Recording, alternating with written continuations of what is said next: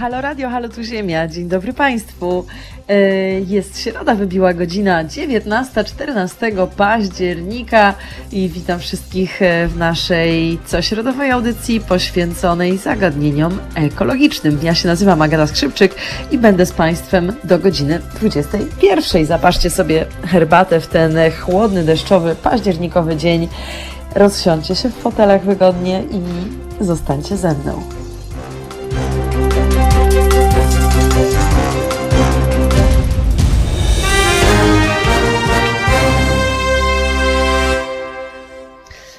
Halo Radio, halo tu Ziemia, dzień dobry Państwu, witam wszystkich serdecznie. Już spieszę, żeby otworzyć czat na naszym e, YouTubie, żeby móc się z Państwem tutaj widać i rozmawiać.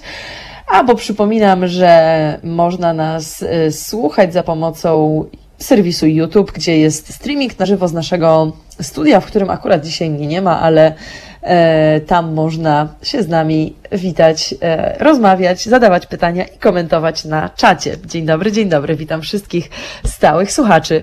Przypominam, że można też to samo robić na Facebooku, e, tak samo się z nami tam kontaktować, lub też, jeżeli macie Państwo jakiekolwiek komentarze, to można zawsze je podesłać do mnie adres na mój, na mój mail, na mój adres mailowy, e, który to wygląda następująco. Skrzypczyk małpa halo.radio. Prosty do zapamiętania.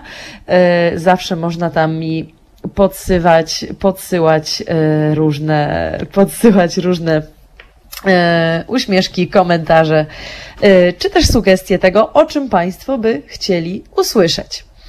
Eee, no właśnie, a dzisiaj? Co dzisiaj? No temat, który obiecywałam już od jakiegoś czasu, raz już nam nie wyszedł, natomiast e, tym razem dochodzi w końcu do skutku.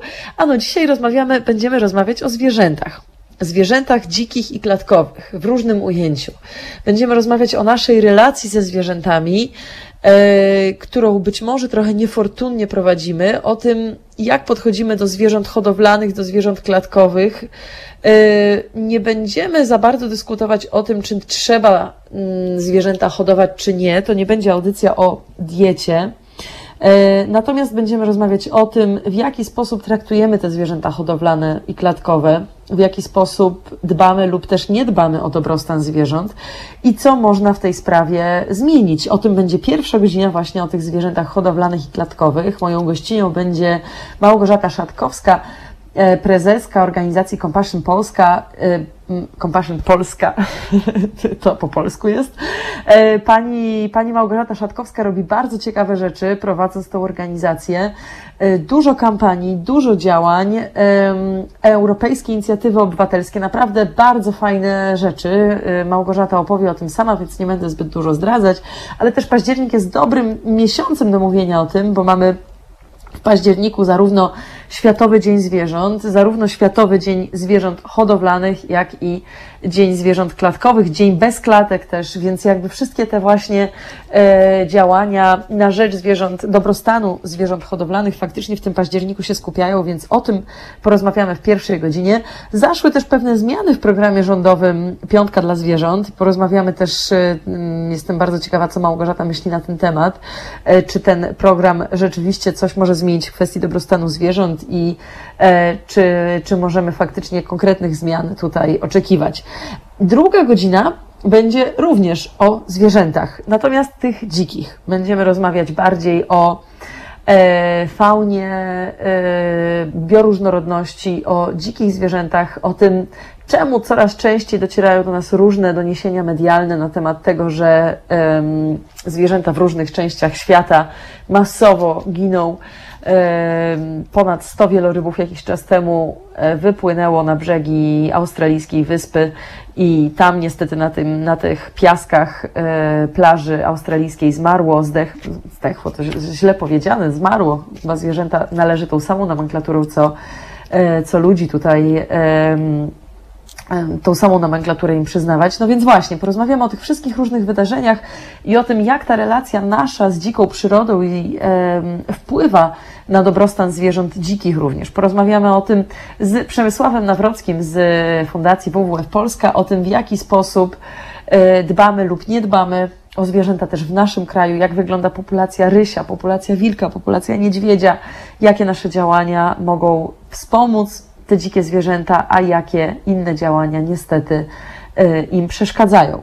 Więc y, no właśnie, bardzo ciekawa audycja. Też y, akurat zaprosiłam tutaj tych dwóch gości mówiących w takiej bardziej globalnej perspektywie, ale wiadomo, że jest bardzo dużo ciekawych ludzi podejmujących działania w mniejszej skali, działania e, właśnie związane ze zwierzętami, e, chociażby osoby działające mocno w schroniskach zwierząt, czy też przeprowadzające różne mniejsze akcje na taką skalę i też należy o tym pamiętać.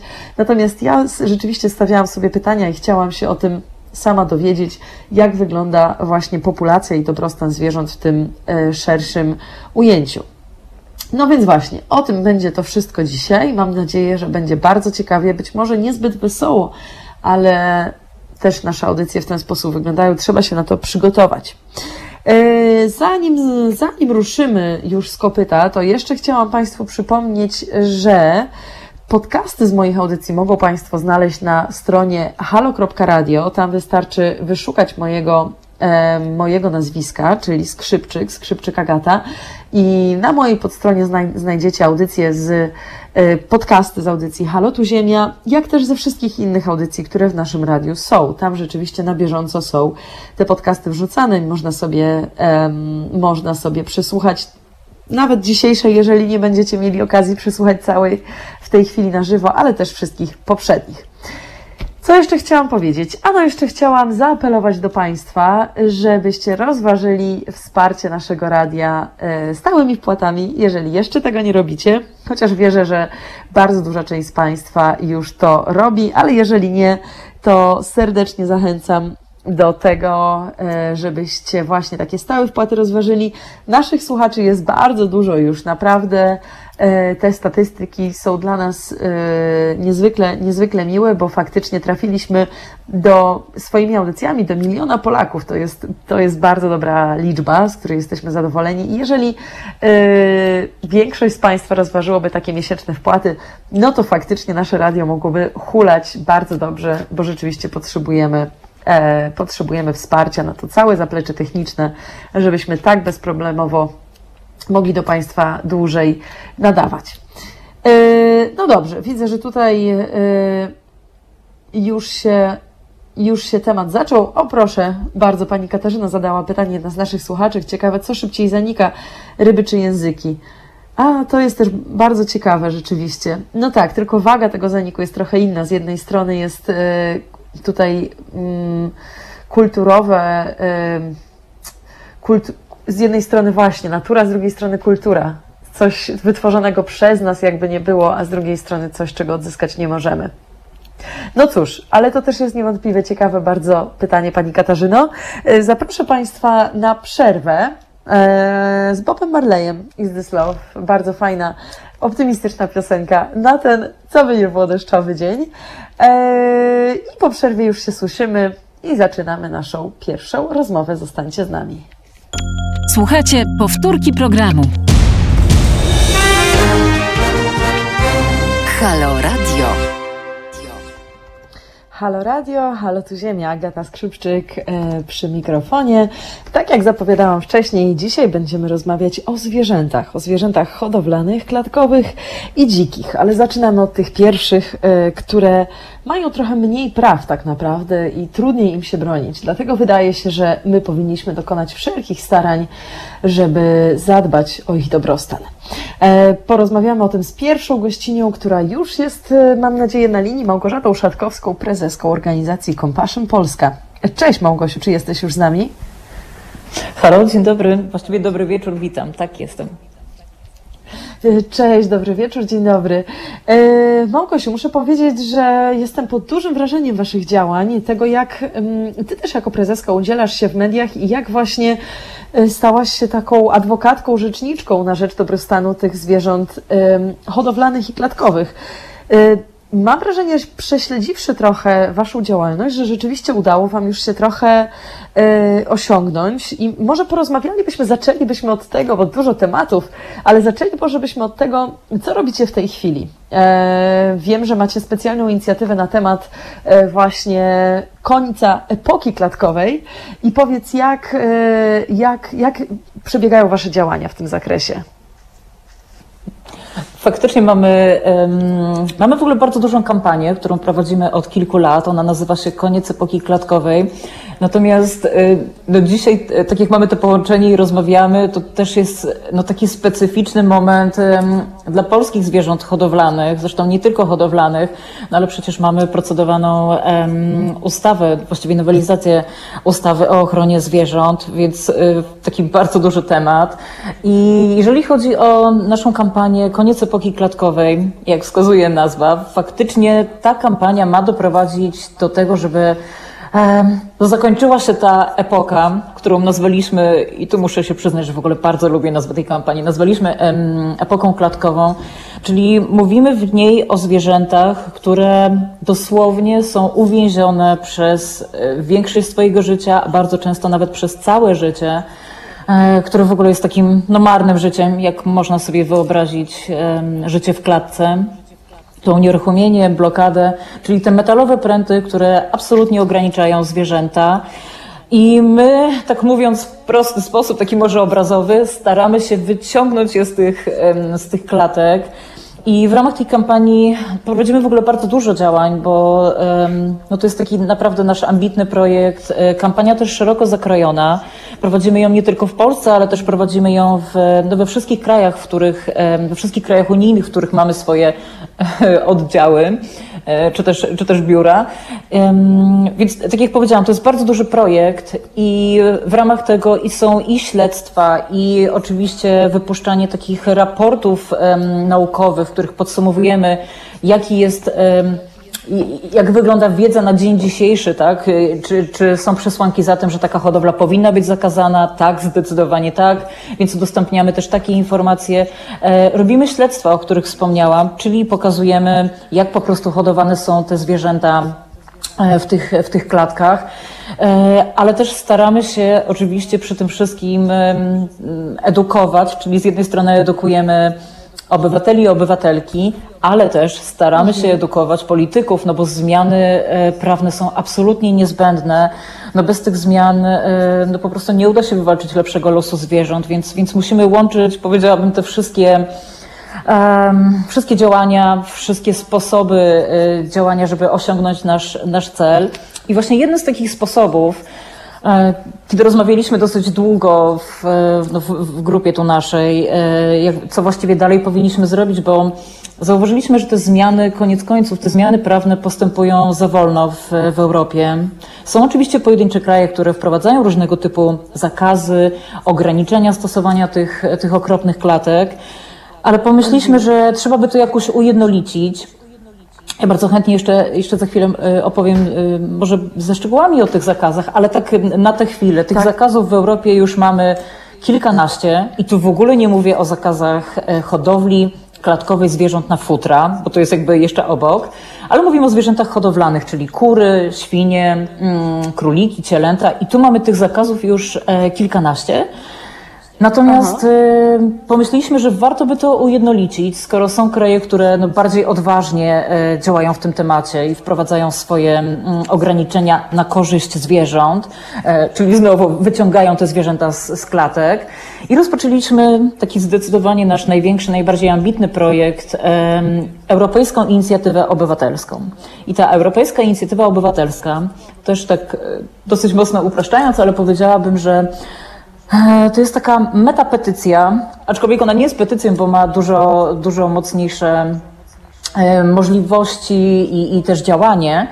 E, natomiast Europejska Inicjatywa Obywatelska polega na, w, w określonym czasie na zebraniu minimum miliona podpisów z, z krajów Unii Europejskiej, które następnie zostaną przedstawione Komisji Europejskiej jako właśnie propozycja, znaczy nie jako propozycja, ale podpisy zostaną zebrane pod propozycją zmiany prawa unijnego. No i faktycznie że tak powiem, porwaliśmy się na taki projekt.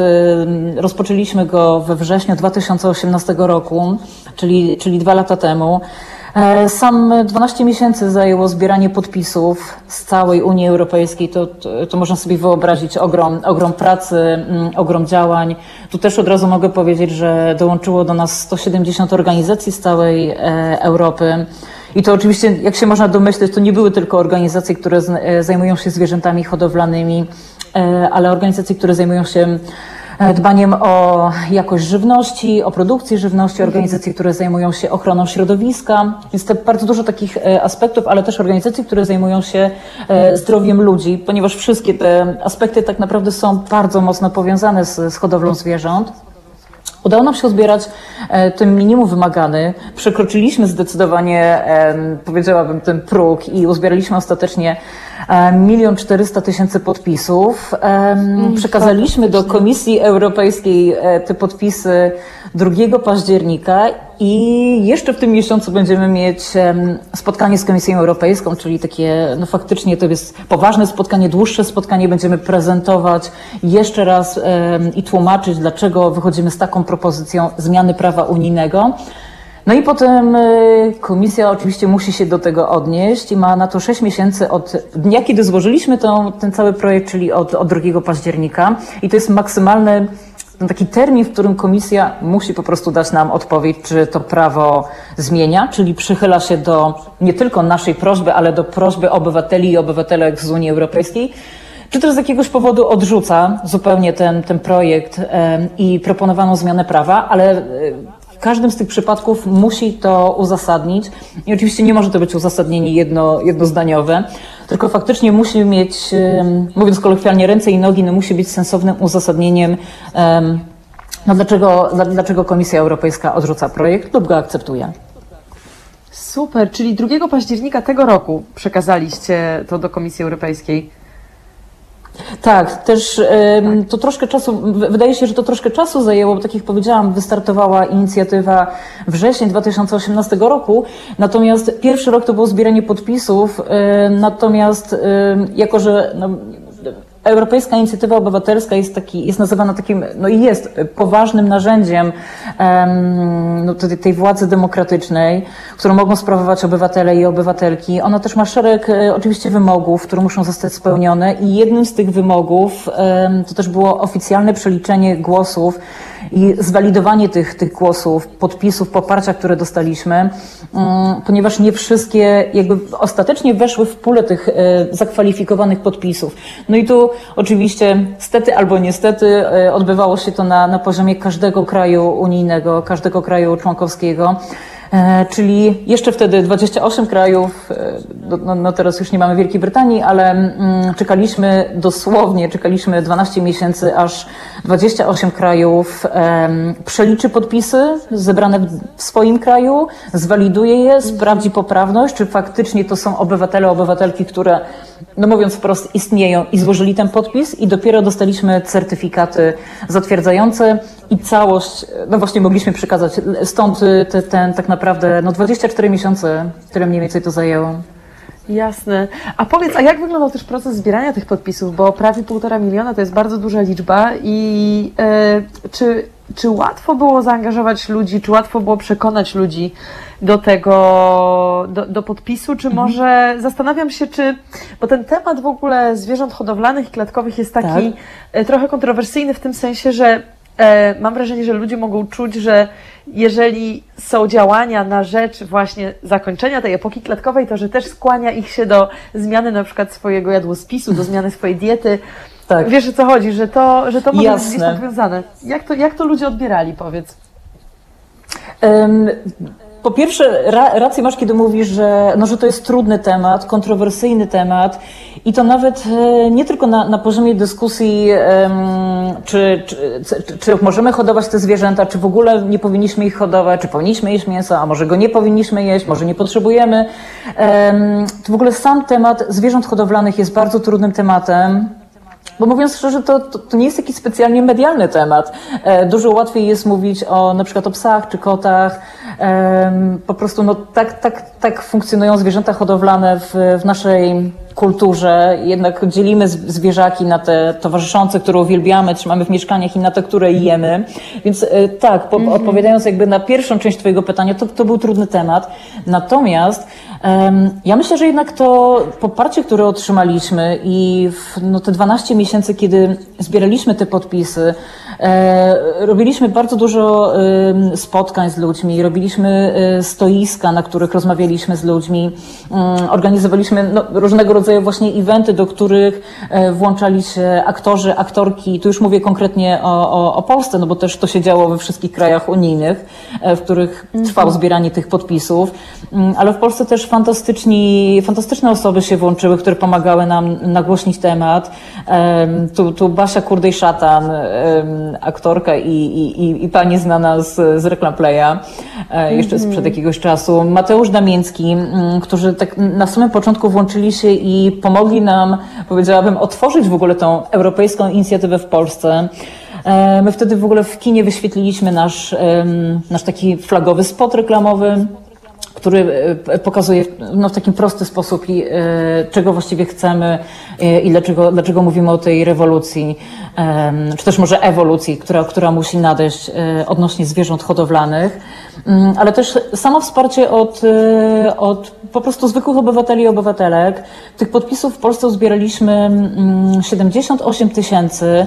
One po walidacji troszeczkę zrobiło ich się, ich się faktycznie mniej. Mm, czasem to były takie kwestie, że na przykład brakowało y, daty, jeżeli mówimy o papierowych podpisach, bo też zbieraliśmy je papiero, y, papierowej wersji. To też myślę, że e, ciekawe dodać. Natomiast no, czasem po prostu coś tam się nie zgodziło. Być może ktoś wpisał złą cyferkę w, w PESEL-u, ponieważ PESEL był wymagany, więc mm, to były takie, powiedziałabym, techniczne zapory, e, e, takie e, może problematyczne, które, które sprawiały, że, że ludzie na przykład się wycofywali, nie chcieli podpisać, albo na przykład dali nam PESEL, a nie chcieli już adresu. Natomiast to w ogóle nie są nasze wymogi. Mm, takie były wymogi, dalej takie są wymogi Ministerstwa Cyfryzacji przy, przy organizowaniu takiej inicjatywy. Więc y, powiedziałabym, że raczej zmagaliśmy się z takimi technicznymi kwestiami i też publikowaniem y, na naszych y, kanałach social media, na naszej stronie informacji na ten temat, że są, mamy wszystkie certyfikaty, mm, w sensie mówię o certyfikatach e, no, takich digitalowych i, odnośnie bezpieczeństwa podpisów, które są składane w, w formie online. Mm, więc dużo, tak, tak, tak bym powiedziała, że raczej to były problemy związane z kwestiami technicznymi, Natomiast to też e, taka dosyć ciekawa sprawa, bo też wydaje mi się, że to pokazuje nastawienie społeczeństwa i w ogóle różnice w postrzeganiu mm, jakichś takich procedur rządowych przez różne, przez różne kraje. No w Polsce jednak wydaje mi się, że zgodzisz się, że my jesteśmy nieufni, jeśli chodzi o jakieś zalecenia, czy nawet wymagania, które, które są po, wychodzą po stronie rządowej, co należy zrobić, co należy udostępnić. No nie lubimy tego to, tak naprawdę, jesteśmy nieufni, jak to słyszymy, niechętnie tak. podajemy jakieś informacje, podajemy swoje dane, nawet jeżeli właśnie słyszymy, że trzeba, to traktujemy to no troszkę tak, e, że ktoś nas zmusza, to ja, to, to ja nie dam. Natomiast to właśnie ciekawa sprawa. E, Skandynawia, czyli e, kraje, w których no jednak to zaufanie obywatelskie jest bardzo duże, zaufanie takie społeczne do, do rządów, które sprawują pieczę tak, nad obywatelami i obywatelkami jest, ma, ma duże poparcie, to muszę Ci powiedzieć, że tam no naprawdę jak burza te podpisy szły. Ja widziałam po prostu jak one wpadały kiedy logowałam się i po prostu patrzyłam, e, jak dużo tych podpisów w danym kraju mamy, e, to w tych krajach skandynawskich e, oni bardzo szybko przeszli te minimalne progi wymagane i po prostu zbierali, zbierali, zbierali i te podpisy wpadały, przekraczając nawet kilkaset procent ten minimalny próg, Aha. który musi być spełniony. Aha. No bo jeszcze tu jest taka kwestia, że każdy kraj ma wyznaczony minimalny próg podpisów, który musi zostać uzbierany. Więc to, to tak, troszkę w Polsce to widzieliśmy. E, natomiast też zaangażowanie mediów było bardzo fajne. E, jednak ruszyły tu z, powiedzmy, odsieczą i faktycznie były zaciekawione tematem, publikowały rozmowy i to był chyba taki pierwszy moment, kiedy mm, media zaczęły głośniej i mocniej mówić o, o tej hodowli klatkowej e, i tak faktycznie w kierunku tych zwierząt hodowlanych się, się zwróciły. Ale też no, jeżeli chodzi o poparcie przy tej kampanii, to dużo było takich powiedziałabym, e, może mniej spektakularnych momentów, ale takich bardzo chwytających za serce. Przyjeżdżali do nas ludzie do biura, żeby podpisywać tę inicjatywę na papierze.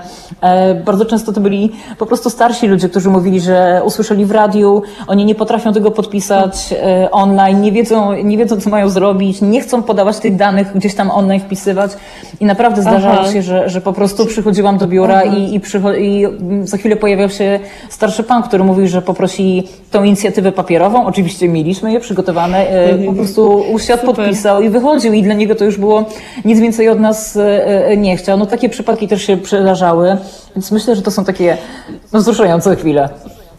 Fajnie, fajnie, super. Gratulacje, że, że tak Wam to poszło. Małgosiu, zrobimy chwilę przerwy, dosłownie chwilkę na e, piosenkę MGMT Jasne. i za chwilę już porozmawiamy dalej. Ja Cię trochę pociągnę też za język na temat wyników Waszych śledztw, bo to, co tam na stronie publikujecie jest też bardzo ciekawe, więc jeszcze też trochę o tym porozmawiamy i do usłyszenia. Zostańcie Państwo z nami, do usłyszenia po paru minutach. Słuchajcie powtórki programu.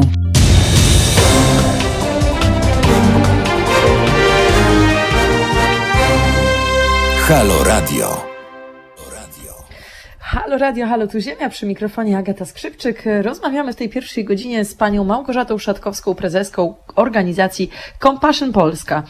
E, organizacja Compassion Polska złożyła 2 października e, petycję, e, Europejską Inicjatywę Obywatelską, pod którą podpisało się prawie półtora miliona osób na rzecz zakończenia tak zwanej epoki klatkowej. E, czyli zakazu hodowli zwierząt e, klatkowych.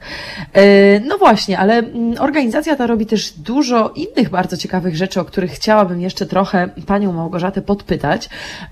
Małgosiu, wspomniałaś Wspomniałaś też o tak zwanych śledztwach, które robicie i myślę, że to by naszych słuchaczy bardzo zainteresowało i przede wszystkim tutaj zacznę od, od, jednej, od jednej rzeczy, która, wokół, których, wokół której mam wrażenie, że jest jeszcze cały czas dużo mitów i legend. Mianowicie o hodowli zwierząt mlecznych. Nie wiem, czy to się w ten sposób nazywa, ale chodzi o hodowlę zwierząt właśnie pod wszystkie te artykuły mleczne, które spożywamy. Mam wrażenie, że istnieje takie przeświadczenie, że jeżeli jemy, spożywamy nabiał, a nie spożywamy mięsa, to mm, w mniejszym stopniu przysparzamy się do, do krzywdy na zwierzętach. Oczywiście nie, nie przysparzamy się do ich zabicia. Natomiast z tego też, co wynika na, na, z Waszej strony, to ta hodowla zwierząt mlecznych jest równie brutalna, w sensie te warunki, w których te zwierzęta, krowy są, są hodowane, pozostawiają bardzo, bardzo wiele do życzenia. Czy mogłabyś powiedzieć trochę właśnie tutaj o tym, o tym aspekcie? Mhm. Ja myślę, że w ogóle taka pierwsza rzecz, bo powiedziałaś, że ludzie mają takie poczucie. Halo? Okej, okay, bo jakoś przez momencik nic nie słyszałam, za to słyszałam siebie podwójnie. E, pierwsza rzecz. Bardzo trudno jest w ogóle tak no, dywagować, bardzo trudno jest powiedzieć, które cierpienie jest e, gorsze, które jest lepsze w kontekście właśnie hodowli zwierząt na mięso czy na przykład na, na mleko. E, ponieważ tak jak mówisz, ja się z tym, z tym zgadzam, no jest taka obiegowa opinia, powiedziałabym, że, że to jest takie wrażenie e, ogólnoludzkie, że e, jedzenie, że zwierzęta hodowane na mięso, generalnie jedzenie mięsa, jako że no kończy się tym ubojem, tak, że zabijamy istotę czującą, to jakoś tak być może łatwiej jest, nawet nie być może, no ale jednak wegetarian jest więcej niż wegan, więc łatwiej jest porzucić, odrzucić nam ten produkt, natomiast faktycznie troszkę trudniej to jest z tymi produktami mm, mlecznymi. Natomiast jest tak, że krowy mleczne, zwierzęta hodowane właśnie no, no w celu pozyskania od nich tego, tego mleka, z którego potem my mamy różnego rodzaju przetwory, e, to są zwierzęta, które długo one też długo cierpią i, i właśnie to powiedziałabym, że to wydłużone ich cierpienie e, jest bardzo problematyczne i to faktycznie też się zgadzam z Tobą, że to jest ten taki aspekt, o którym za dużo się nie mówi. W związku z tym, jako że robimy śledztwa i, i w trakcie tej naszej kampanii Koniec epoki klatkowej, e, właściwie powiedziałabym, prześledziliśmy dos, dosłownie, no bo śledztwa, prześledziliśmy wszystkie, może nie wszystkie, ale te główne gatunki zwierząt e, hodowanych na, na potrzeby um, człowieka. e, kury, króliki, świnie i faktycznie też zrobiliśmy śledztwo na fermach cieląt, na polskich fermach, na których hoduje się cielęta e, i to są właśnie z, z, zwierzęta no, przeznaczane na, na które później e, hodowane z przeznaczeniem na, na te produkty mleczne. No i e, oczywiście domyśleliśmy się, co zobaczymy, ponieważ też myślę, że to jest ważna, ważna kwestia, żeby podkreślić.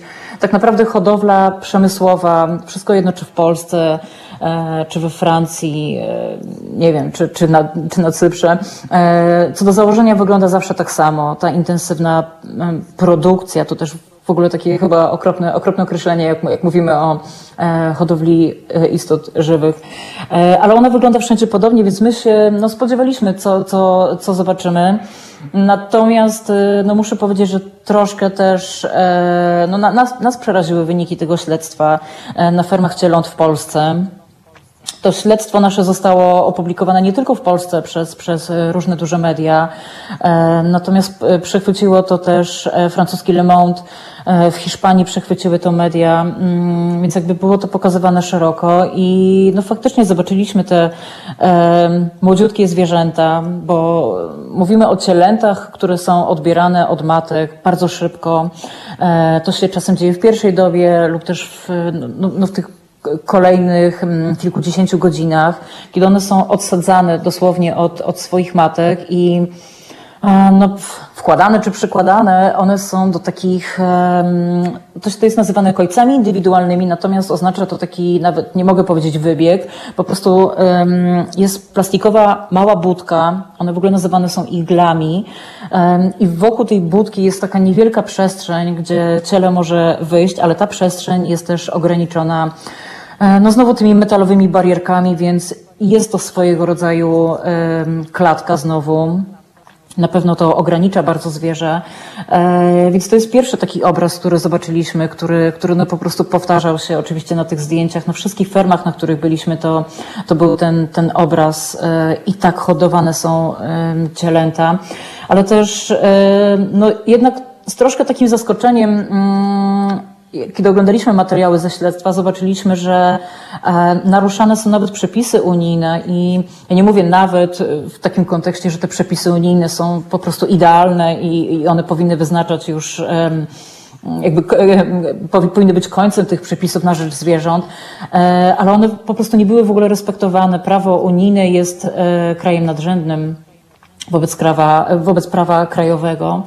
E, i stosowane na przykład były mm, jakby te boksy dla cieląt, nazwijmy to, e, pomiędzy którymi nie było w ogóle możliwości, żeby zwierzęta się zobaczyły, a to jest, e, to oczywiście może wydawać się naszym słuchaczom, słuchaczkom jakiś drobiazg, natomiast proszę wierzyć, że to nie jest drobiazg i sam fakt, że zapis y, o tym znalazł się w prawie unijnym, w dyrektywie, która wyznacza minimalne wymogi dotyczące hodowli właśnie cieląt, że nie wolno trzymać cieląt w ten sposób, że one nie będą się widziały do wieku 8 tygodni. One muszą mieć możliwość, żeby się zobaczyć, muszą mieć możliwość no też dotyku, tak? czyli tam y, będą się stykały głowami, e, językami. To jest wymóg no właśnie unijnego prawa.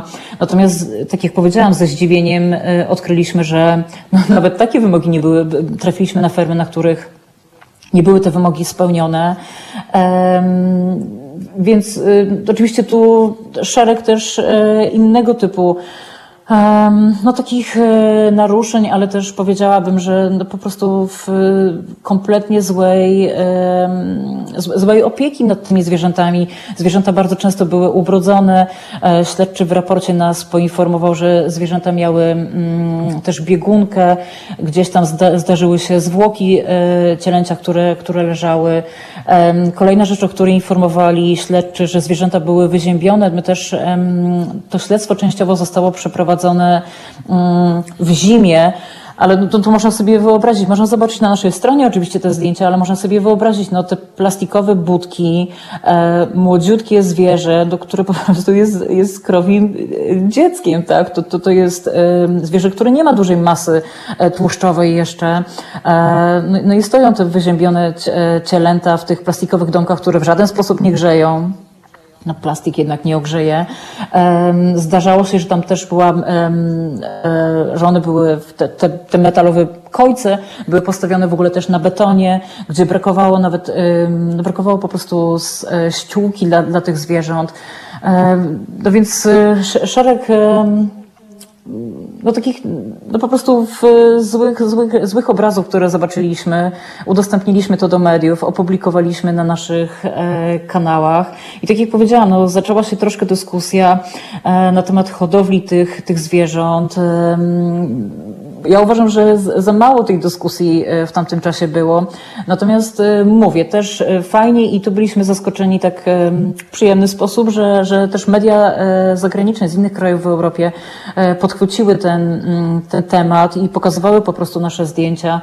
Zresztą jak zaglądałaś na naszą stronę, to, to widziałaś, że no to jest takie myślę, że absurdalne i w ogóle szalone, jak się nad tym zastanowić że włączamy telewizję, e, klikamy na, na telefonach i mm, wyskakują nam reklamy, tak, na, na Instagramach czy, czy Facebookach, e, gdzie na przykład widzimy krowę, która biegnie po tej łące, no czasem to są jakieś totalne absurdy.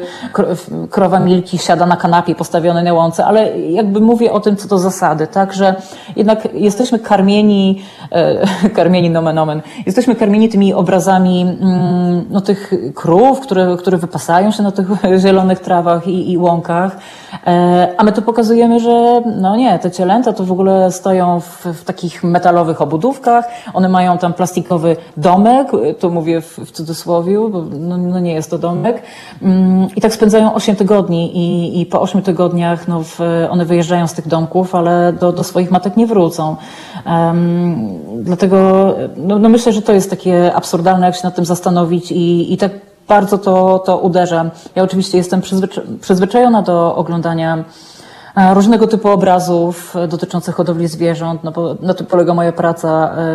Znam warunki hodowli, tak jak powiedziałam, co to zasady, na czym polega hodowla przemysłowa. Ona jest okrutna i jest po prostu nieludzka i okropna względem zwierząt. Natomiast Myślę, że to są takie obrazy, które mogą uderzać e, tego, tego Kowalskiego czy Kowalską, która nigdy się wcześniej z tym nie zetknęła, że tak jak mówię, w Polsce tak są hodowane cielęta, ale one są hodowane w całej Europie dokładnie w ten sam sposób, w mniejszej lub, lub większej skali. Te plastikowe domki poustawiane i te cielaki, które, które po prostu wyglądają też z tych, tych domków, wystawiają e, głowy. Też śledczy pamiętam, że napisali nam w raporcie, że te zwierzęta bały się po prostu ludzi i e, no, też są naukowe raporty, które, które no właśnie mówiąc o dobrostanie zwierząt, mówiąc konkretnie o dobrostanie tych młodziutkich cieląt, e, mówią, że taki sposób hodowli cieląt upośledza ich po prostu społeczne funkcje.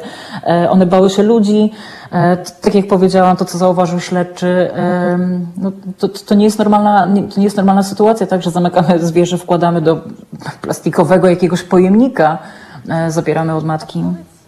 A powiedz, a co, się stanie z tymi cielętami? One, jak długi jest okres ich życia, kiedy są eksploatowane na, na e, właśnie na te produkty mleczne? Co się później, to znaczy w sensie później z tymi, z tymi krowami, nie z, cielę, nie z cielętami, tylko z krowami, które właśnie są, wiesz, dojone po prostu pod te produkty mleczne. Mhm. Jak długo one w taki sposób mogą, mogą żyć i co się później z nimi dzieje? Czy one ostatecznie też są przeznaczane na mięso? E, krowy mleczne są, no tak jak nazwa, nazwa no tak jak e, jest, jest utarte, one są przeznaczane z, odbiera im się te cielęta. Cielęta są przeznaczane na, na mięso. Natomiast no, w momencie, kiedy krowa e, jest, jest sakiem, tak, i krowa wytwarza pokarm dla swojego, dla swoich właśnie cieląt, no to mleko jest po prostu odbierane, tak? Odbierane jest w sensie przez człowieka, czy też zabierane, może to byłoby lepszym, lepszym określeniem. Natomiast ta krowa, która w naturze hmm, przeżyłaby nawet kilkanaście lat yy, i, i, po prostu no, faktycznie chodziłaby po tej łące. Natomiast tu się tak nie dzieje i ona spędza w, w, zamknięciu, bo to też jest istotne, e, żeby powiedzieć, bardzo często w, w, systemach e, intensywnych krowy w ogóle nie wychodzą na zewnątrz i to się dzieje, to może nawet dziać się przez, przez cały rok. Może być tak, że one są wypuszczane na wiosnę, natomiast no to wtedy też w kontekście tych 12 miesięcy, tak, ten taki cykl roczny, no to, to nie jest dużo, kiedy zwierzęta są raz czy nawet dwa razy w ciągu roku wypuszczane na zewnątrz, ale głównie w systemach intensywnych no te krowy będą, e, będzie dostarczany im pokarm, one produkują, e, no produkują, no, no, tak, produkują to mleko dla swoich młodych. Młode zostają, no, to jest cykl, młode są zabierane, e, krowa będzie zapładniana potem znowu, najczęściej sztucznie, ponieważ znowu tu chodzi o względy ekonomiczne, tak, to się po prostu opłaca, to jest najszybsza metoda. I taka krowa spędzi mniej więcej półtora roku w ten sposób, aż no, jest tak wyeksploatowana, E, że po prostu, no mówiąc brutalnie i znowu, tak jakbyśmy mówili o jakimś, nie wiem, przedmiocie, produkcie, no nie opłaca się po prostu jej trzymać, hodowcy się jej nie opłaca już trzymać. No i ona wyjeżdża znowu do rzeźni.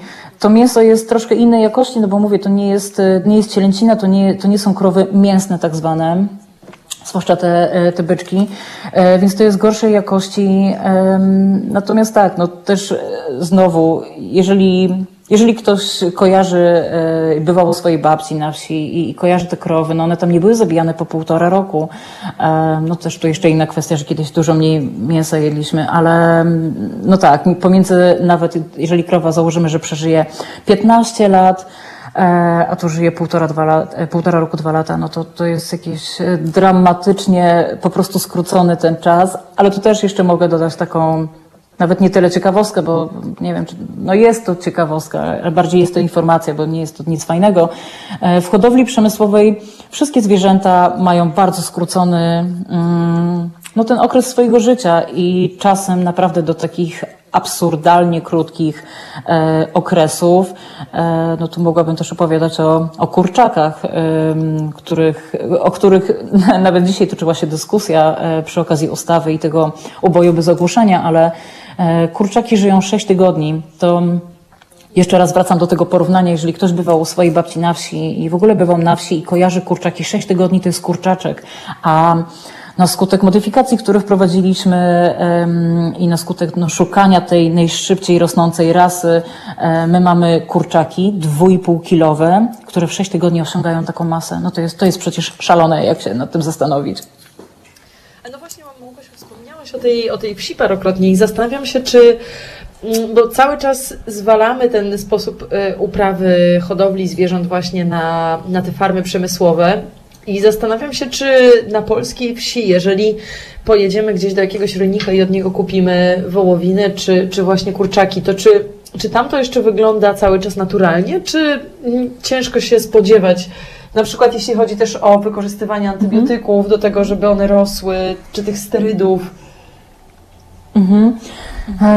Jeżeli chodzi o wszystkie mniejsze hodowle, czy też w ogóle małe hodowle mm, lub nawet średniej, średniej powiedziałabym wielkości hodowle, E, czy nawet jeżeli mówimy o takich tak zwanych przydomowych hodowlach tak, no na wsi, e, czyli faktycznie też taki mały wymiar, najczęściej to będą e, no faktycznie hodowle mm, ekstensywne, czyli zwierzęta mają gdzie wychodzić, są wypasane, jest ich też mało, jeśli chodzi o obsady tych zwierząt, tak, więc zdecydowanie łatwiej jest powiedziałabym, zarządzać, e, zarządzać hodowcy tymi, tą, tą, swoją obsadą zwierząt i wtedy faktycznie hodowca no, ma okazję, żeby w ogóle zadbać o te zwierzęta.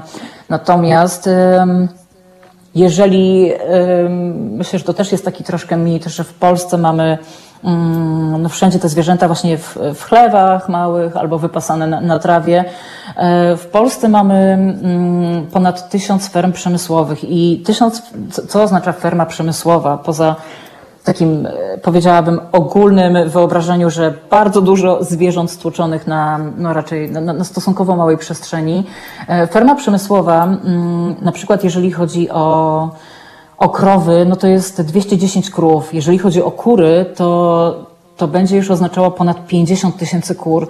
Więc możesz sobie wyobrazić, kurnik, jeżeli w ogóle możemy to nazywać jeszcze kurnikiem, no ale tak, taka jest nomenklatura e, tu hodowców, więc w kurniku jest, e, czy też w kilku mniejszych, tak, podzielone, ale jakby na tej przestrzeni jest 50 tysięcy kur co najmniej, a, a przecież może być ich dużo więcej. E, no, więc jakby z, nawet z samej tej myśli, kiedy zastanowimy się nad tym, jak może wyglądać opieka nad zwierzętami w takim kurniku, i mamy kurnik, gdzie po prostu tych kur będzie, nie wiem, 100 sztuk, a tu mamy 50 tysięcy, no, no nie da się po prostu dobrze mm,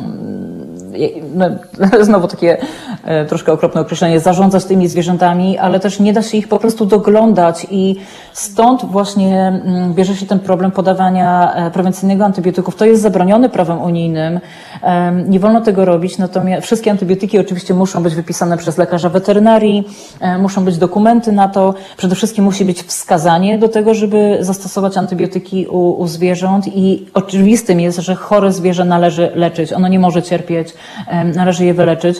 Mm, natomiast e, no, przecież w, w ostatnie 10 lat w Polsce no, pokazywały się mm, śledztwa i reportaże też w największych mediach e, mówiące właśnie o problemie nadużywania antybiotyków na, na, na tych fermach przemysłowych w Polsce.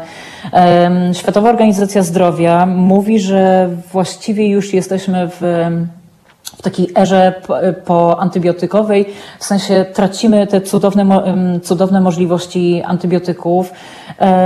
Od dziesięcioleci nie, wymyśli, nie wynaleźliśmy żadnych nowych antybiotyków. Mamy, jakby, no powiedziałabym, mniej lub bardziej taki niezmienny zasób no, tych leków przeciwustrojowych, którymi, przeciwdrobnoustrojowych, którymi możemy się leczyć i też no, ja sama pamiętam, jak, jak koleżanka opowiadała mi jakiś czas temu, że miała zapalenie płuc, dali antybiotyk, antybiotyk nie pomógł, dostała drugi antybiotyk i nie wie, czy nie dostanie kolejnego, ponieważ one nie działają. I to jest ten bardzo istotny i negatywny wpływ hodowli przemysłowej i tych megaferm na nasze zdrowie to, to jest, y, mówię, możemy odsunąć te zwierzęta i mm, jeżeli ktoś sobie myśli, że a tam zwierzęta, nie, nie, nie jestem zainteresowany, mnie to nie interesuje, ale problem polega na tym, że no, to odbija się na naszym zdrowiu. Fermy mm, przemysłowe i ta intensywna hodowla zwierząt, których nie potrzebujemy naprawdę tyle hodować, e, odbija się też na naszym środowisku. Mm, I to już niezależnie od tego, co Compassion mówi, w sensie nasza fundacja czy też inne podobne nam fundacje, które mówią, że e, zbliżamy się do katastrofy. No przecież to są raporty instytucji doradczych przy światowych rządach, paneli między, międzynarodowych, które e, od lat biją na alarm i mówią, że no nie możemy dłużej tak robić, bo po prostu temperatura na, na, na Ziemi się podniesie i co do tego już jakby po prostu wszystkie analizy mówią, że ona wręcz podnosi się za szybko, szybciej niż um, przewidywaliśmy, że to się uda, że, że, że to się będzie działo. Um, więc to jest bardzo złożony problem, um, ale też no tak, wydaje mi się, że po prostu to, co, to, co coraz częściej słyszymy, mm, czytamy, to, co naukowcy mówią i tak jak powiedziałam, niezależni naukowcy, niezależne mm, jednostki, jakieś think tanki, że, no ale też zalecenia, które pojawiają się już w niektórych krajach, że musimy tego mięsa po prostu jeść mniej, mięsa i, i produktów odzwierzęcych. No tu znowu y, pada, pada nacisk na tak. nabiał.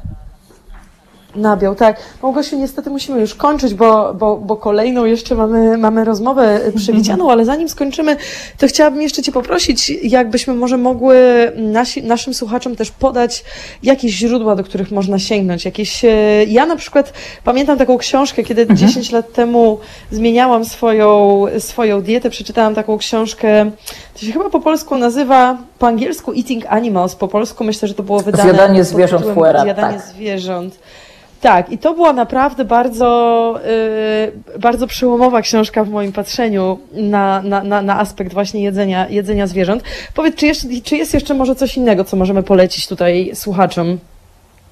Jasne. Ja myślę, że mm, jeżeli ktoś chciałby, tak powiedziałabym, zacząć może troszkę, troszkę mniej drastycznie, chociaż tam nie ma takich drastycznych opisów, ale jest po prostu konkret, jak to wygląda, ale też konkret okraszony no, jakimiś takimi osobistymi anegdotami i w miarę lekka forma, to ja bym poleciła Farmagedon, e, czyli ta, na temat tego właśnie, jak hodowla przemysłowa i te fermy no, prowadzą nas do, do Armagedonu. Więc tę książkę polecam, ale ja bym w ogóle poleciła, e, jeśli chodzi o książki i pytałaś, co tu ludzie mogą zrobić, ja bym w ogóle poleciła niezmiennie i zawsze e, książki jadłonomii, czyli konkretnie przepisy to są kucharskie, jak gotować roślinnie i to są proste przepisy i super smaczne. No pewnie większość zna Martę, autorkę jadłonomii, więc e, ja polecam od siebie. E, I wtedy mówię, można od razu próbować właśnie, nie wiem, jeżeli ktoś nie decyduje się jeszcze na wegetarianizm, weganizm, e, niech zacznie od tych małych kroków i na przykład raz w tygodniu nie je mięsa, dwa razy w tygodniu, a może przez cały weekend, a może się za chwilę okaże, że już pięć dni w tygodniu nie je mięsa i, i gotuje z jadłonomią. Um, I to będzie na pewno, to, to będzie zdecydowanie super, super postęp.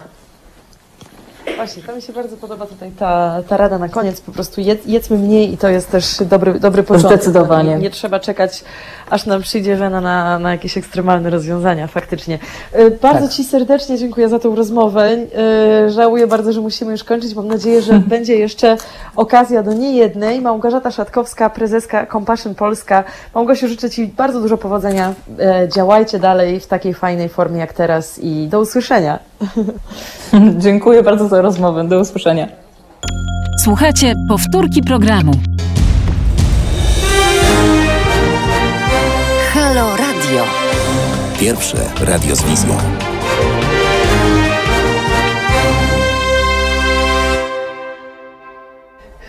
Halo, halo radio, halo tu ziemia. Mam nadzieję, że już się słyszymy po przerwie. Agata Skrzypczyk przy mikrofonie. Rozmawiamy dzisiaj o zwierzętach, tak jak zapowiadałam wcześniej i zaczynamy już drugą odsłonę mm, z tematem zwierząt. Ten temat jest ogromny i ciężko go wyczerpać przez ten, podczas trwania tej audycji, ale przynajmniej zrobimy taki przegląd tego, co się w tej chwili dzieje. Drodzy Państwo, rozmawialiśmy w poprzedniej, przed przerwą o zwierzętach klatkowych, zwierzętach hodowlanych, a teraz porozmawiamy o dzikich zwierzętach. W ciągu ostatnich lat populacja dzikich zwierząt, w ciągu ostatnich 50 lat populacja dzikich zwierząt zmniejszyła się aż o 58%. Hmm, czy naszymi działaniami, czy naszym czy naszym wpływem na przyrodę lub też powstrzymaniem tego wpływu możemy tak naprawdę wstrzymać, odwrócić ten proces, chroniąc tą ginącą dziką przyrodę dookoła nas. A no właśnie, o, o to. E, o to zapytam e, mojego pierwszego gościa Przemysła, Przemysława Nawrockiego z WWF Polska już za chwilkę. E, interesuje mnie również bardzo populacja polskich dzikich zwierząt, czyli żubra, rysia, wilka czy niedźwiedzia. I tego, czemu ta e, populacja maleje i jak może wzrosnąć. Zanim e, zaczniemy rozmowę z panem Przemkiem, Powiem tylko jeszcze Państwu o jednej bardzo ciekawej akcji, która została, nie pamiętam dokładnie kiedy to było, parę lat temu, e, mm, akcja taka edukacyjna, marketingowa, która została właśnie wszczęta przez Fundację WWF Polska. a no właśnie, był to mm, tak zwany, można powiedzieć, guerrilla marketing czyli taki, taka akcja, która y, nie była wprost przeprowadzona. No właśnie, o co chodzi? Już mówię. A no właśnie, parę lat temu y, wyszła informacja do mediów, że powstaje nowy krem do twarzy y, o nazwie 3200. Krem ten był reklamowany przez malezyjską, jeśli dobrze pamiętam, modelkę. Przynajmniej tak się opisywało tą kobietę ze zdjęcia, że jest to malezyjska modelka, która mówiła o tym, że krem ten zawiera tłuszcz z tygrysi, e, tłuszcz z dzikich tygrysów i że ten tłuszcz jest najlepszy na cerę, najlepszy na naszą skórę i bardzo odżywczy. E, a no właśnie, w momencie, kiedy ta informacja wyszła, rzeczywiście sporo kontrowersji wzbudziła. Oczywiście można się tego spodziewać. E, kosmetyk z tłuszczu tygrysów, jest to dosyć kontrowersyjny, kontrowersyjny produkt i, i mm, na pewno się wszyscy zastanawiali, czy to jest w ogóle legalne. I przypominam nomen omen, bo to jest bardzo ważne, że nazwa tego kremu to była 3200. I już po paru dniach WWF Polska przyznało się do tego, że jest to wszystko informacja nieprawdziwa, rozprowadzona właśnie przez nich w ramach kampanii uświadamiającej na temat tego, ile tygrysów pozostało na wolności. I Mogą Państwo sami zgadnąć ile, a no właśnie, 3200. Tylko tyle, to było parę lat temu, w tej chwili chyba ta liczba jest troszeczkę wyższa, ale w ten czas tylko tyle tygrysów żyło na wolności. Drugie tyle chyba, czy nawet więcej pozostawało e, w różnych zamkniętych e, rezerwatach, czy też, czy też, czy też jakichś takich specjalnych, jak to się mówi, zoo być może, czy, czy jakichś innych ośrodkach zoologicznych. W każdym razie tych dzikich było tylko 3200. Bardzo, bardzo mi się podobała ta kampania właśnie przeprowadzona przez WWF Polska, która faktycznie sprawiła, że ja tą liczbę pamiętam do, do dnia dzisiejszego. Ta nazwa, ta, ta liczba pod nazwą 3200 rzeczywiście bardzo weszła w moją, w moją pamięć. Jestem ciekawa, czy Państwo też o tym słyszeli. E, czy to, była, czy to była jakaś taka kampania faktycznie, która dotarła do szerszej, szerszej świadomości? Nie wiem, czy pan Przemysław jest już z nami na antenie. E, chyba jeszcze nie, nie dostałam informacji, żeby jeszcze był, ale wiem, że realizatorzy walczą nad tym, żeby rzeczywiście e, pana Przemka tutaj szybko już przywrócić do nas. E, no dobrze, ale zanim, e, zanim się pojawi właśnie z nami ekspert z WWF Polska, to też powiem, mm, co mnie skłoniło do tego właśnie, do przeprowadzenia tej audycji rozmowy z panem Przemkiem, to między innymi też doniesienia z całego świata, które cały czas regularnie mówią o masowym wymieraniu pewnych gatunków, przedstawicieli pewnych gatunków i ciężko jest nie przyporządkowywać, nie znajdywać relacji E, naszych działań z tym, czemu właśnie te zwierzęta wymierają. I tych połączeń jest bardzo dużo, bo zarówno właśnie na przykład parę, parę to było parę tygodni temu, pod koniec września, też mówiłam o tej informacji e, w mojej audycji, że 380, 380 wielorybów e, wypłynęło na wybrzeże Tasmanii w Australii i zginęło tam na, na, na piaskach, na piaskach tej plaży. E, do tej pory chyba nie zostało rozwiązane pytanie, czemu te zwierzęta wypłynęły, ale bardzo często też się wiąże to ze zmianami temperatury wody, e, oczywiście, czy chociażby brakiem jakiegoś pożywienia e, dla nich w tej wodzie. Jakiś czas temu też była informacja na łamach czasopisma Guardian, że w Izraelu e, naukowcy przyporządkowali w bardzo oczywisty sposób wymieranie tamtejszych gatunków ryb z, pod, z podnoszącymi się z podnoszącymi się temperaturami wody. E, więc cały czas mamy takie doniesienia. Z drugiej strony też oczywiście mm, mówi się o tym, że wiele wirusów przy, gdzieś tam się przedostaje właśnie do tych naszych siedlisk ludzkich, dlatego że zbyt bardzo wchodzimy z butami w dziką faunę i florę i tak samo też mówiło się o genezie koronawirusa chociażby. Ale o tym może później, jeżeli starczy nam czasu. Wiem, że już e, pan Przemek Nawrocki, WWF Polska jest już z nami na antenie. E, dzień dobry panie Przemku, dobry wieczór. Dobry wieczór Państwu. E, dobry wieczór, panie Przemku. Zrobiłam takie drobne podprowadzenie, zanim, e, zanim pan się z nami połączył.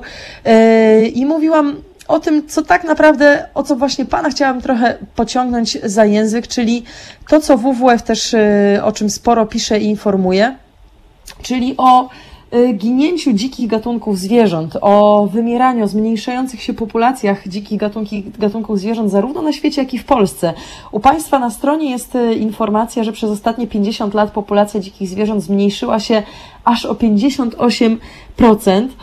Eee, zastanawiam się, to jest naprawdę bardzo E, bardzo pesymistyczne, bardzo, bardzo smutne wyliczenie. Zastanawiam się też, jak to się ma w odniesieniu do polskich gatunków dzikich zwierząt. Jak radzimy sobie z tymi, e, z tymi coraz to zmniejszającymi, coraz to bardziej zmniejszającymi się gatunkami polskich dzikich zwierząt. Czy mógłby nam Pan tutaj trochę takie, takie właśnie zarysować kontekst tego? Rzeczywiście tak jest, że sytuacja gatunków zwierząt na całym świecie jest alarmująca. To, o czym Pani wspomniała, to są wyniki ostatniego wydania raportu Żyjącej Planety. Jest to bardzo ważny raport, który podsumowuje sytuację bioróżnorodności na całym świecie, a WWF e, wydaje ten raport co dwa lata i e, ta liczba 68% spadku liczebności kręgowców oznacza, że średnio w skali e, całego świata z każdych 10 kręgowców, czyli ryb, płazów, gadów, ptaków i ssaków, które żyły na Ziemi w latach 80., 70., przepraszam, zostały zaledwie trzy.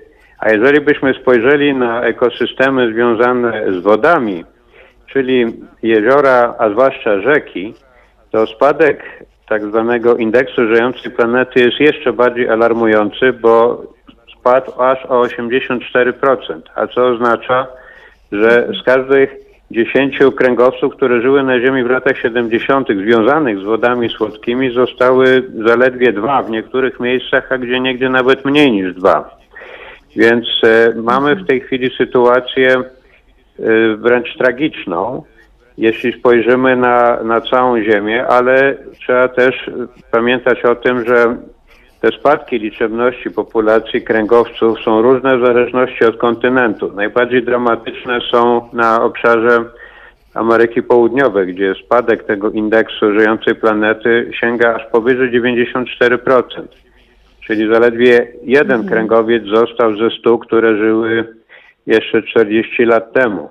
To już jest sytuacja katastrofy. Natomiast jeżeli spojrzymy na półkulę północną, czyli Euroazję, to tu sytuacja jest znacznie lepsza, bo spadek liczebności jest e, zaledwie 20%. Mówię zaledwie, bo to jest ta część świata, która teoretycznie chwali się tym, że, że ma świetnie rozwinięty system ochrony przyrody, że są parki narodowe i tak dalej rezerwaty, ale to jak widać nie wystarcza, bo wciąż następuje spadek liczebności, a trzeba jeszcze pamiętać o tym, że co bardziej wrażliwsze gatunki w tej części świata już wytępiliśmy, a te, które zostały, są już stosunkowo odporne, ale mimo tego dalej ich liczebność spada. A jeśli chodzi o Polskę, to e, podobnie jak na całym świecie, szczególnie narażone na na ginięcie są gatunki związane z wodami, dlatego że to w jaki sposób traktowaliśmy rzeki, czyli regulowaliśmy ich koryta, upraszczaliśmy ich bieg, likwidowaliśmy mandry, grodziliśmy je tamami, zanieczyszczaliśmy wodę na różne sposoby ściekami przemysłowymi, komunalnymi, rolniczymi.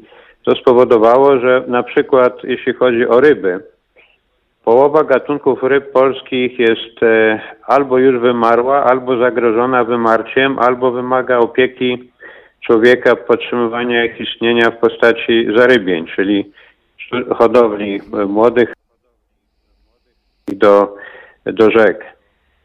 40% gatunków e, mięczaków, czyli ślimaków, małży związanych z wodami słodkimi jest również zagrożona wymarciem. Także to jest ta grupa zwierząt, która znalazła się w najgorszej sytuacji. I niestety, co, co nas ogromnie niepokoi, dalej są y, kontynuowane plany takiego traktowania rzek, które jest właśnie odpowiedzialne za wymarcie w Polsce na przykład łososia czy, czy jesiotra, czyli są plany budowy kolejnych przegród na rzekach, między innymi na tych, które są chronione jako obszary Natura 2000. Dlatego ta najważniejsza przyczyna tego gigantycznego kryzysu bioróżnorodności, który ma już charakter wręcz katastrofy, która grozi nie tylko przyrodzie, ale docelowo również e, może spowodować załamanie się naszej cywilizacji, czyli tego całego świata, który znamy i kochamy. A tą najważniejszą przyczyną y, tej tragicznej sytuacji jest to, że nie szanujemy zasobów przyrody. Nie umiemy w, y, ograniczyć naszych potrzeb, nie umiemy tak planować y, rozwoju. Do tej pory nie umieliśmy, żeby przyroda dalej mogła istnieć w nienaruszonym stanie. Dlatego w tej chwili to, co wynika między innymi z naszego raportu, to to, że dotychczasowe sposoby ochrony przyrody obszary chronione, na przykład sieć Natura 2000, parki narodowe, są oczywiście ogromnie ważne, ale one nie wystarczą do e, rozwiązania tego problemu, że musi się również bardzo poważnie zmienić kwestia całej naszej ekonomii. Muszą być bardzo poważne zmiany wprowadzone na poziomie popytu i podaży, czyli musimy odejść od y, modelu rozwoju gospodarczego, który jest oparty na e, eksploatacji coraz większej wszelkich możliwych zasobów na, na taki model, który będzie opierał się na bardzo ostrożnym korzystaniu z zasobów y, i na, na ponownym wykorzystywaniu y, tych samych surowców, materiałów, czyli ekonomii obiegu zamkniętego. Więc przed nami gigantyczne wyzwanie i to jest nie tylko kwestia tego, że, że lubimy i kochamy zwierzęta, ale to po prostu w tej chwili jest e, walka o to, żebyśmy my, również my przetrwali jako gatunek i ten gatunek, który jest właśnie odpowiedzialny za tą ogromną katastrofę, z którą w tej chwili mamy do czynienia. No właśnie, jesteśmy odpowiedzialni, ale jesteśmy również zależni. Też jesteśmy sami tym gatunkiem zagrożonym, jeżeli nic z tym nie zrobimy. I tutaj ktoś z naszych słuchaczy na czacie skomentował, że może byśmy kiedyś, że możemy kiedyś zrobiła audycję o gatunkach inwazyjnych, ale przyszło mi do głowy, że to właśnie my jesteśmy tym gatunkiem inwazyjnym, rzeczywiście wchodząc z butami w to królestwo No właśnie, to, dokładnie pani redaktor, to, to jest to, że my jako gatunek mamy się świetnie, wbrew pozorom, jeszcze. Y, nasza liczebność y, ciągle rośnie. Jesteśmy w tej chwili, jeśli chodzi o masę, gatunkiem, który jest najliczniejszy najwięcej waży, jeśli chodzi o tak zwaną megafaunę, czyli większe zwierzęta. W skali świata to my ważymy najwięcej. E, więcej niż wszystkie słonie razem wzięte, żyrafy, nosorożce i tak dalej.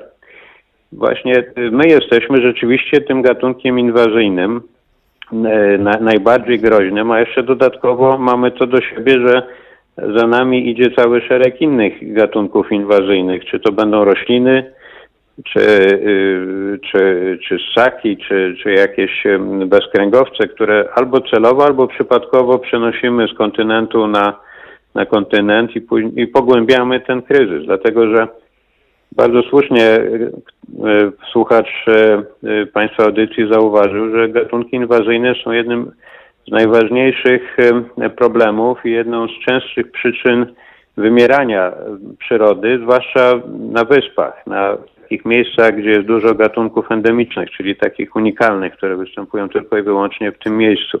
A wprowadzenie obcego gatunku Miejsce na przykład, gdzie nie było przez y, tysiące, a nawet miliony lat żadnego drapieżnika powoduje y, katastroficzne spadki liczebności, wręcz wymieranie tych y, rodzimych gatunków. No właśnie, przychodzi mi tu do głowy przykład Wysp Galapagos, które miałam przyjemność odwiedzić jakiś czas temu, gdzie tam faktycznie takimi gatunkami inwazyjnymi są przede wszystkim kozy które zabierają no właśnie, tak. właśnie gatunkom endemicznym, jak żółwiom. Bardzo ciekawe też. Kozy, y, na, y, jeśli chodzi o wyspy, to są jedne, jednym z, naj, z najgroźniejszych gatunków inwazyjnych, dlatego że często powodują, że y, cała roślinność miejscowa, która też zawiera szereg unikalnych gatunków, które tylko i wyłącznie na danej wyspie mogą występować, albo ginie całkowicie, albo jest redukowana do do bardzo niewielkich e, wpłatów, tam gdzie kozy nie mogą dotrzeć, a to oznacza, że, że ginie też ogromna ilość zwierząt związanych z tymi roślinami, bo z każdą rośliną zwykle jest związane kilka gatunków owadów. Jeżeli zginie gatunek rośliny, to również giną te owady. Więc e, no niestety, my jako gatunek narobiliśmy straszliwego zamieszania na Ziemi, ale ciągle jest jeszcze szansa, żebyśmy się opamiętali. I mówię, żebyśmy się opamiętali, dlatego że e, no to, co raport Żyjącej Planety pokazuje, to są spadki liczebności populacji, ale inne analizy z kolei pokazują, że zagrożonych wymarciem jest aż milion gatunków w tej chwili przeciągu kilku następnych dekad. Jeżeli nie zmienimy naszego postępowania, modelu rozwoju ekonomicznego, sposobu traktowania przyrody, to doprowadzimy do zagłady właśnie ten milion gatunków, czyli to jest niewyobrażalna wręcz liczba, a ktoś bardzo ciekawie e, pokazał, jakie dla nas mogą mieć konsekwencje właśnie takie wymierania, które tak niepostrzeżenie czasami zachodzą, że można to porównać do lecącego samolotu, z którego na, na każdym lotnisku, na którym ląduje się, wyjmuje po kilka nitów, które trzymają razem różne elementy kadłuba. I ten samolot przez pewien czas będzie leciał do momentu, kiedy zostanie usunięty ten jeden, jedyny nit, który spowoduje, że cała konstrukcja się rozleci. I tak jest właśnie z gatunkami, które spinają ten cały niezwykle wrażliwy system, jakim jest Ziemia. Wszystkie tak zwane usługi ekosystemowe, które świadczy nam przyroda, jeszcze świadczy, które 4,5 razy przekraczają, jeśli chodzi o wartość monetarną światowe PKB, ale od lat 90. trzeba pamiętać, usługi ekosystemowe, czyli ten kapitał naturalny, skurczył się aż o 40% wskutek rabunkowego gospodarowania zasobami przyrody, więc y, sytuacja jest naprawdę groźna. Mhm. A proszę powiedzieć, bo na początku tej rozmowy Pan wspomniał, bardzo mnie to zaciekawiło, e, z czego wynika tak duży e, spadek ilości gatunków, tak duże wymieranie gatunków w Ameryce Południowej właśnie? Czemu to akurat na tamtym, na tamtym, na tamtym kontynencie i skąd taka zależność? W tej chwili na akurat na tym kontynencie dokonuje się e, największa zmiana w krajobrazie ogromne połacie lasów tropikalnych, ale również e, nie tylko tych tak zwanych tropikalnych deszczowych, ale suchych lasów tropikalnych, bardzo bogatych pod względem przyrodniczym, jest zamienianych na, na pola uprawne. Lasy są wycinane, wypalane e, i co jest y, bardzo charakterystyczne dla Ameryki Południowej, to, to wysoki poziom endemizmu, czyli unikalności gatunków, na przykład w andyjskich dolinach. I, I właśnie z Ameryką Południową się wiąże takie określenie wymieranie sentinelskie. Zdarzyło się kiedyś tak, że biolodzy ze Stanów Zjednoczonych w jednej z dolin w e, andyjskich odkryli właśnie w rejonie miejscowości Sentinel unikalne rośliny o, o, prawie czarnych liściach. Nikt takich roślin nie widział. Było ich wiele, e, przypuszczalnie wiele gatunków, e, coś zupełnie niespotykanego. Wrócili rok później, żeby rozpocząć badania nad tymi unikalnymi roślinami i okazało się, że już nie, lasu nie zostali. Został całkowicie wycięty i wraz z tym lasem zniknęły bezpowrotnie te unikalne gatunki, które ewoluowały przypuszczalnie miliony lat, które ktoś przez chwilę zobaczył, już nikt więcej z nas ich nie pozna, nie opisze. Być może w liściach tych gatunków była jakaś unikalna substancja, która się okazałaby lekiem na jakąś trudną do, do wyleczenia obecnie chorobę. To jest właśnie ten przykład tych, tych wielkich wymierań w w Ameryce Południowej, a jeszcze trzeba pamiętać o tym, że cechą tych lasów tropikalnych jest to, że na przykład gatunki drzew nie występują tak jak u nas e, w takich jednogatunkowych łanach, że tak się wyrażę. Że nie jest tak jak w naszym lesie, gdzie jak się rozejrzymy w koło, to wszędzie widzimy sosny. Tam, żeby znaleźć przedstawiciela tego samego gatunku drzewa, pod którym akurat będziemy stali, to niekiedy trzeba wędrować kilo, setki metrów, a nawet i, i kilometry. W związku z tym te poszczególne mm, egzemplarze należące do jednego gatunku, osobniki, są mocno rozproszone.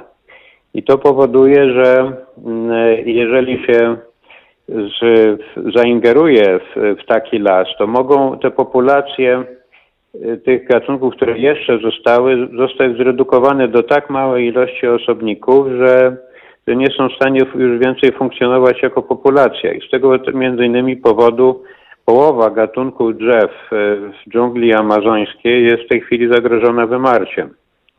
Między innymi właśnie z powodu tego e, rozproszenia w przestrzeni. Mhm. A to bardzo ciekawe też. A jeszcze, jeszcze panie, panie Przemku, zanim skończymy, jeszcze bym pana podpytała właśnie, y, wspomnieliśmy o, o dzikiej, dzikich zwierzętach w Polsce, o rybach przede wszystkim, które są najbardziej zagrożone. A jak się ma y, populacja rysi, niedźwiedzi, wilków, na przykład tutaj właśnie wspominając te trzy gatunki, które są takie też ta populacja drastycznie się zmniejszyła jakiś czas temu. Czy, czy ona się powoli odbudowuje? Tu akurat y, mam y, dobre wiadomości, przynajmniej w odniesieniu do, y, do wilka i niedźwiedzia. Wilk zdecydowanie odradza się. Można powiedzieć, że odbudowanie populacji wilka to jest wielki sukces ochrony przyrody w Polsce, dlatego że kiedyś był to gatunek tępiony, wręcz eksterminowany okrutnie na różne możliwe sposoby. Przetrwał tylko na wschodzie i na południu Polski, a w tej chwili wilki występują w zasadzie we wszystkich większych kompleksach leśnych i nawet przekroczyły Odrę i zaczęły odbudowywać sobie swoją populację na terenie Niemiec. Jeśli chodzi o niedźwiedzie brunatne, to w tej chwili ta populacja górska na południu Polski wygląda na to, że ustabilizowała się i, i wszystkie możliwe siedliska przez niedźwiedzia są zajęte, ale również jest szansa, że być może do Polski zaczną docierać niedźwiedzie ze wschodu. Już są pierwsze obserwacje, na przykład z Puszczy Białowieskiej, więc być może zacznie się odradzać populacja nizinna niedźwiedzia brunatnego. Natomiast najgorzej ma się ryś niestety. Okazał się to być gatunek najbardziej wrażliwy. Między innymi jest mu trudniej niż innym gatunkom pokonywać bariery czyli te otwarte przestrzenie pocięte drogami, które wilki jakoś pokonują, a y, rysie mają z tym ewidentnie problem. I dlatego między innymi WWF od lat stara się wzmocnić y, tą populację mazurską, tą nizinną populację rysia poprzez introdukcję, czyli hodowanie e, rysi, które są później przystosowywane do, do życia w naturalnych warunkach, bądź sprowadzanie dzikich rysi z populacji, których jest ich dużo, na przykład ze Estonii. W tej chwili również WWF wspiera projekt odtworzenia populacji rysia w Polsce Zachodniej we współpracy z Zachodniopomorskim Towarzystwem Przyrodniczym. Więc rysie akurat jeszcze ciągle wymagają intensywnej pomocy człowieka, żeby mogły, mogły przetrwać. Ale generalnie, przynajmniej jeśli chodzi o wilka i niedźwiedzia, to można powiedzieć, że sytuacja y, jest, y, jest dobra. Mhm. No to, to, to, to chociaż tyle. To w takim razie dobre słowa na zakończenie naszej rozmowy, chociażby tutaj ten jeden taki pozytywny aspekt. Panie Przemku, bardzo dziękuję za, za tą rozmowę. Moglibyśmy na pewno dużo dłużej jeszcze, jeszcze ten temat kontynuować, ale niestety musimy już kończyć. Moim gościem był Przemysław Nawrocki z Fundacji WWF Polska. Serdecznie Panu dziękuję za tą rozmowę. Ja dziękuję za zainteresowanie tym ogromnie ważnym tematem. Oczywiście, że tak. I życzę Państwu powodzenia w dalszych działaniach, chociażby właśnie w tych działaniach reintrodukcji rysia, bo, bo myślę, że to też jest bardzo, bardzo ważne. E, także Dziękuję powodzenia bardzo. i do usłyszenia. Dobranoc. Do usłyszenia. Do usłyszenia. A Państwu przypominam, że jeżeli nie mieli Państwo okazji wysłuchać tej audycji od początku, to podcast y, z tej całej dwugodzinnej rozmowy będzie dostępny pewnie już jutro na naszej stronie Halo Radio w zakładce Skrzypczyk, czyli dokładnie tak jak się nazywam. Ja miałam przyjemność prowadzić tę audycję jak zwykle, jak co tydzień. Nazywam się Agata Skrzypczyk i już za tydzień słyszę się państw, z Państwem raz jeszcze ponownie w każdą środę o godzinie 19. Halo tu Ziemia. Mówimy o najważniejszych zagadnieniach związanych z ekologią, dziką przyrodą, zmianą klimatu, energetyką, czyli wszystkim, co definiuje nasze środowisko naturalne dookoła i o naszej relacji z przyrodą, o tym, jak ona powinna wyglądać. Stąd też nazwa tej audycji Halo tu Ziemia, bo Ziemia woła nas, żeby zwrócić uwagę na to, jak powinniśmy traktować i szanować naszą planetę. Mam nadzieję, że mm, z przyjemnością Państwo wysłuchali tej audycji. E, widzę, że audycja, e, Państwa dyskusja też mm, na czacie e, trwała, trwała dosyć intensywnie. Jest to temat chyba wszystkim nam bliski. Zwierzęta, dzika zwierzyna, zwierzęta hodowlane. Też zachęcam Państwa do wyedukowania trochę jeszcze się więcej ponad tą naszą rozmowę na te tematy, o których rozmawialiśmy. Tak jak moja pierwsza gościni Małgorzata Szatkowska wspomniała, mm, zachęcamy do śledzenia chociażby sposobów, przepisów na to, jak ograniczyć spożywanie zwierząt i nabiału, może po prostu spożywać tego mniej.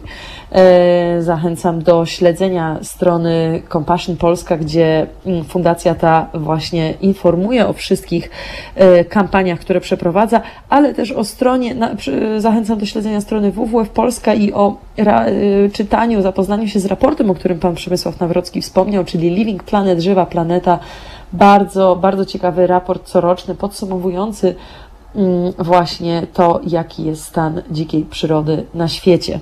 Living Planet, oby ta planeta była żywa jak najdłużej. Dziękuję Państwu serdecznie za y, wspólny środowy wieczór i do usłyszenia już za tydzień.